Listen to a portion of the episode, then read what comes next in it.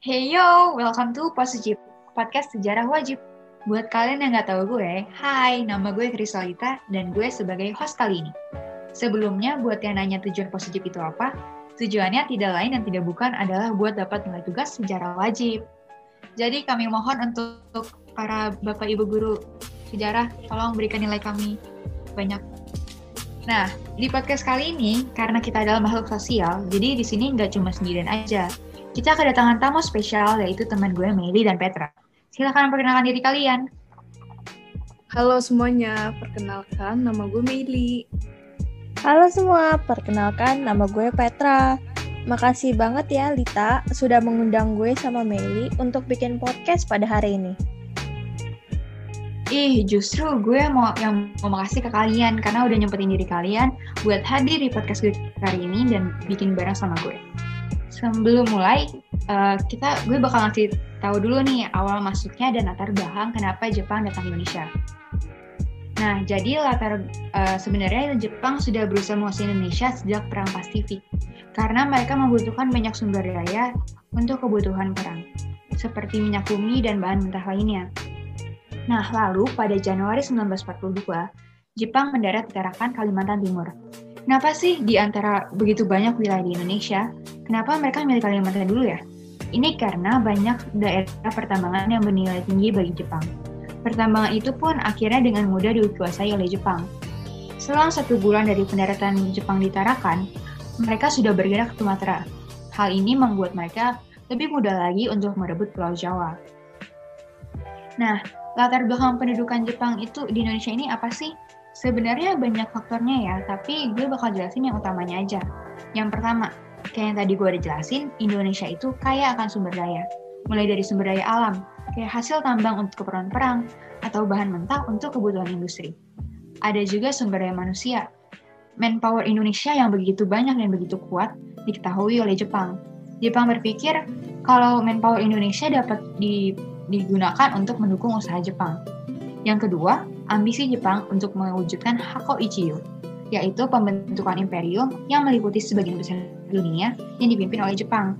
Yang ketiga adalah kepentingan migrasi agar dapat melakukan pemerataan wilayah penduduk. Nah, itu kan gue udah jelasin awal masuknya Jepang dan latar belakangnya. Sekarang gimana kalau kita masuk ke kebijakan pemerintah yuk? Mulai dari kebijakan politik aja gimana?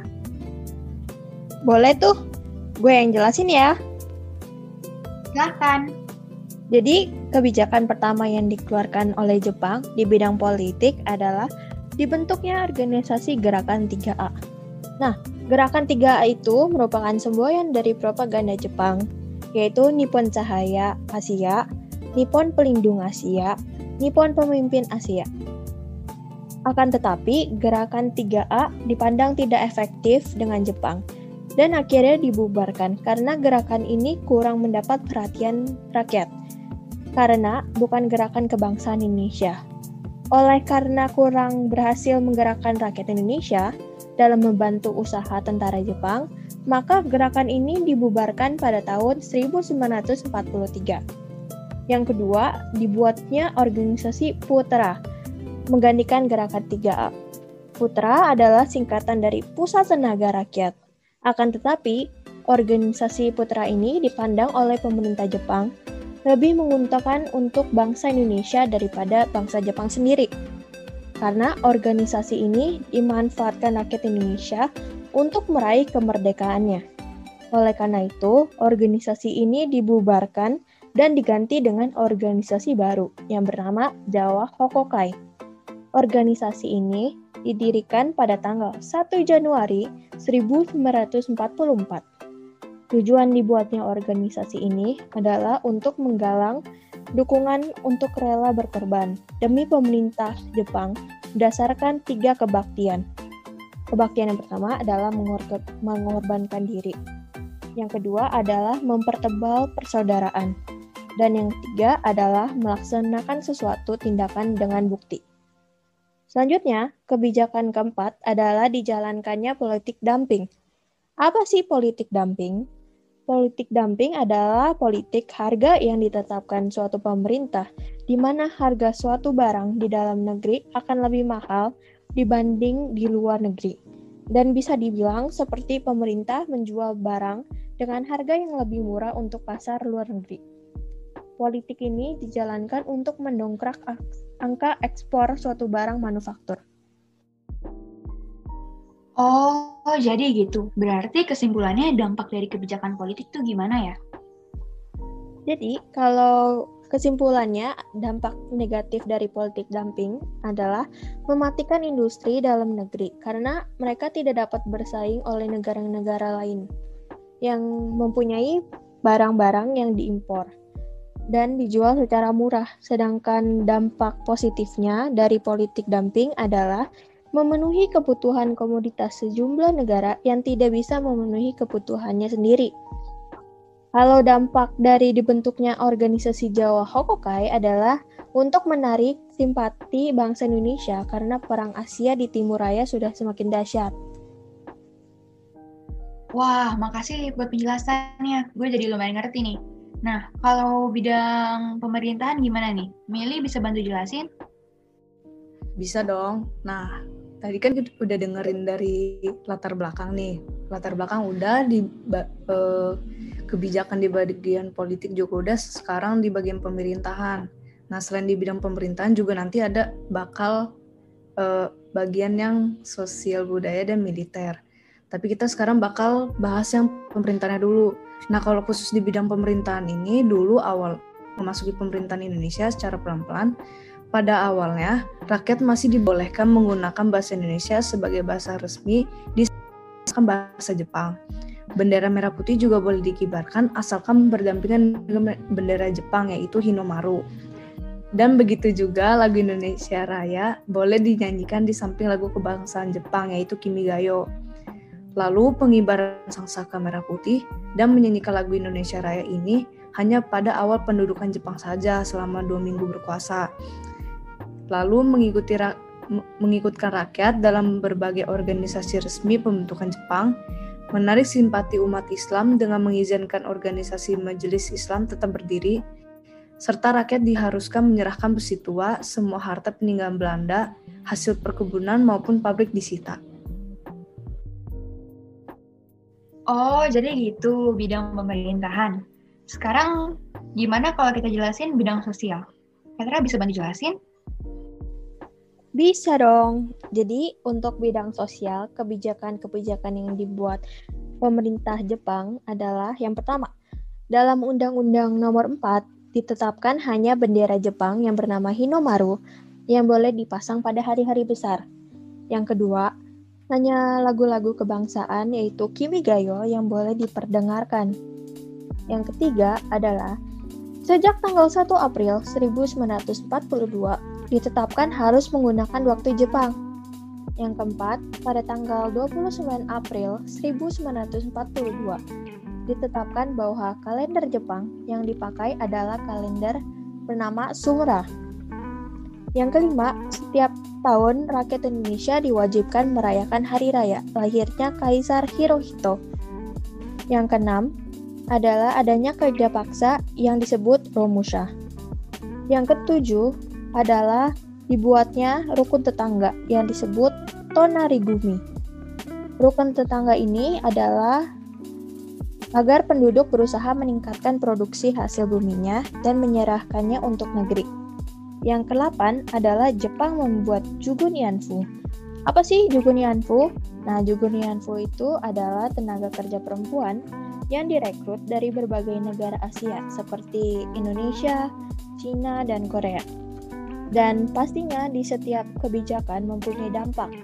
Apa sih dampaknya? Yang pertama, dampak buat rumusya ini menimbulkan penderitaan untuk banyak orang dan mereka dipekerjakan sangat buruk. Disuruh melakukan pekerjaan kasar tanpa makan, adanya perawatan sehingga kondisinya melemah, dan banyak yang menderita berbagai penyakit, bahkan meninggal dunia di tempat kerjaannya sendiri. Dan juga banyak pemuda yang meninggalkan desanya karena khawatir diambil sebagai pekerja di Romusha. Dan hampir semua laki-laki yang tidak cacat diambil sebagai pekerja, sehingga yang tinggal hanyalah kaum wanita, anak-anak, dan laki-laki yang kurang sehat. Selanjutnya, ada dampak yang ditimbulkan dari Jugunyanfu. Nah, Jugunyanfu itu jadi pekerja perempuan dijadikan pekerja seks paksa um, buat pemerintahan Jepang. Perempuan tersebut dibawa ke medan pertempuran militer di Indonesia dan juga ke luar negeri. Kesehatan perempuan itu kurang diperhatikan sehingga banyak yang meninggal. Wah, kalau itu sih pasti berdampak juga ya ke mental mereka. Nah, gimana kalau sekarang kita move on kita ke kebijakan bidang militer? Ada yang bisa bantu jelasin? Gue, gue. Kalian jangan bosen dulu ya, soalnya pem yang di bagian militer ini tuh cukup panjang dan ini juga dulu berpengaruh banget buat Indonesia. Nah, jadi apa aja sih uh, kebijakan yang dibuat oleh Jepang dalam bidang militer ini? Yang pertama itu tuh ada Seinendan. Nah, Seinendan ini tuh terbentuk pada tanggal 29 April 1943, tepatnya pada hari ulang tahun Kaisar Jepang. Lalu Jepang membuat dua organisasi e, namanya itu tuh organisasi pemuda, yaitu Seinendan dan Keibodan. Tujuan pembentukan kedua organisasi ini tuh untuk mendidik dan melatih para pemuda agar dapat menjaga dan mempertahankan tanah airnya dengan kekuasaan sendiri. Biasanya anggota Senendan ini terbuka untuk pemuda-pemuda Asia yang berusia antara 15 sampai 25 tahun. Yang kedua itu ada Keipodan. Nah, Keipodan ini tuh merupakan barisan pembantu polisi dengan tugas-tugas kepolisian. Contohnya itu seperti menjaga lalu lintas dan pengaman pengaman desa. Dan anggotanya itu biasanya pemuda-pemuda yang berusia antara 20 sampai 35 tahun. Untuk kalangan jenis et etnis Cina juga dibentuk semacam keibodan, tapi sebutannya itu tuh lain yaitu Kakyo Keibotai. Tujuan keibodan adalah untuk membantu polisi Jepang dalam masa penjajahan di Indonesia. Lalu yang ketiga itu ada Heiho. Pada bulan April 1943 dikeluarkan pengumuman mengenai pembukaan kesempatan kepada pemuda Indonesia untuk menjadi pembantu prajurit Jepang atau Heiho. Pemuda yang ingin menjadi anggota HEHO harus memenuhi syarat-syarat berbadan sehat, berkelakuan baik, berumur antara 18 sampai 25 tahun, dan berpendidikan serendah-rendahnya sekolah rakyat atau sekolah, da sekolah dasar. Yang keempat itu ada Fujinkai. Nah, Fujinkai ini tuh terbentuk pada uh, pada bulan Agustus 1943. Uh, ini tuh uh, merupakan barisan tenaga perempuan yang dibentuk oleh Jepang Nah, organisasi ini bertugas untuk mengerahkan perempuan turut serta dalam memperkuat pertahanan dengan cara mengumpulkan dana wajib.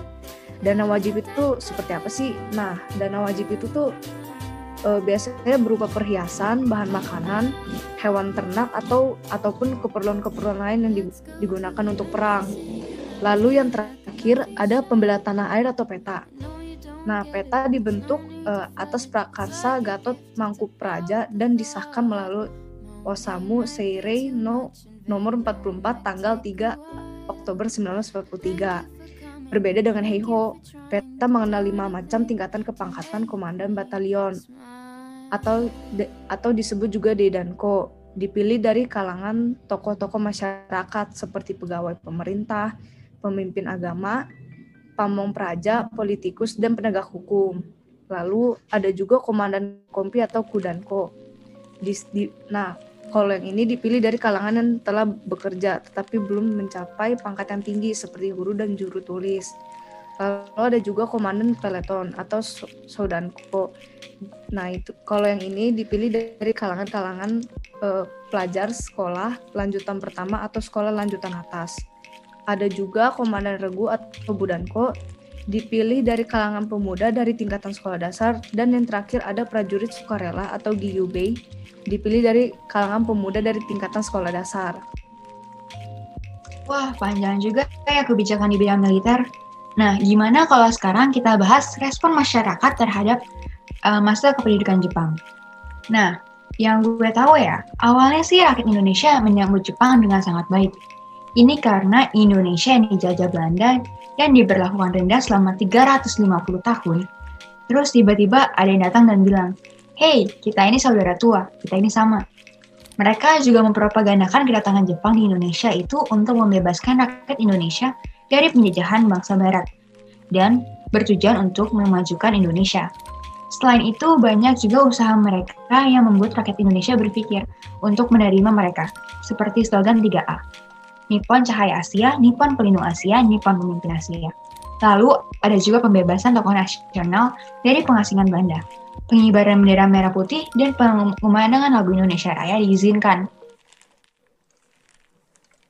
Selain dari usaha-usaha yang udah dijelasin itu, ada juga satu hal yang menjadi alasan keterbukaan Indonesia pada Jepang yaitu ramalan Jayabaya.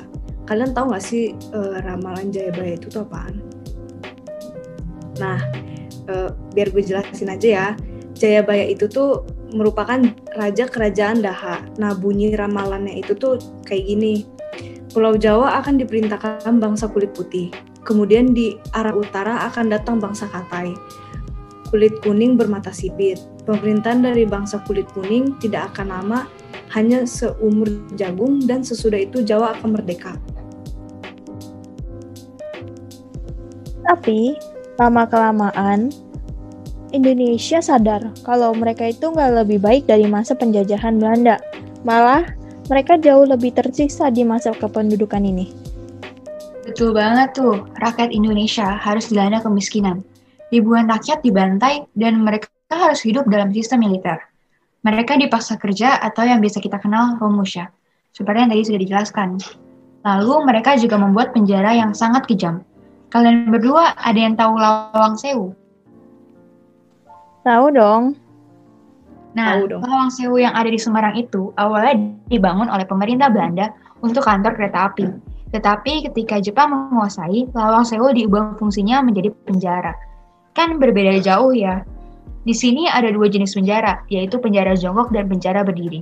Untuk penjara jongkok, para tahanan harus jongkok di kotak besi tertutup yang sebagian besar isinya merupakan air.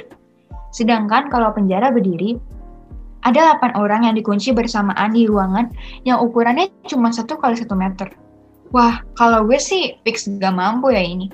Bahkan berdua atau bertiga di ruangan sekecil itu bakal risih dan sesak. Ini sih gak manusiawi banget. Iya, gue juga nggak bisa sih. Ngomong-ngomong tahanan ya, para tahanan ini juga disiksa dan dibiarkan mati kelaparan. Jadi banyak banget tahanan yang meninggal sebelum waktunya mereka untuk dieksekusi. Menurut gue sih ini sadis banget ya. Dan dari sini kita dapat melihat berapa besar perjuangan rakyat dulu untuk bebas, untuk merdeka. Nah, oleh karena itu, karena kita sudah mengetahui hal ini, kita harus aku yang terbaik untuk Indonesia dan para pendahulu kita. Kita nggak boleh kecewain mereka dan perjuangan mereka karena kita bisa sampai di sini karena mereka. Nah, bener banget tuh Lita. Iya nggak, Mei? Iya, bener tuh. Itu aja. Nah, itu aja podcast kita kali ini. Semoga podcast ini bisa nambah ilmu kalian tentang kedatangan Jepang di Indonesia. Kali aja nilai sejarah kalian, entah sejarah wajib atau sejarah minyak, kalian dapat nilai 100 gara-gara kita aminin aja lah ya. Thank you juga buat my friend Meili dan Petra udah datang ke podcast gue dan bantuin jelasin banyak hal. Wah, thank you juga ya udah ngajakin kita berdua. Semoga lu bisa membuat podcast yang banyak dan menambah wawasan banyak orang dari podcast lu. Thank you. Sekian dari podcast kita kali ini. Jangan lupa like podcast ini dan tolong jangan disebarkan. Kita masih punya malu. Goodbye.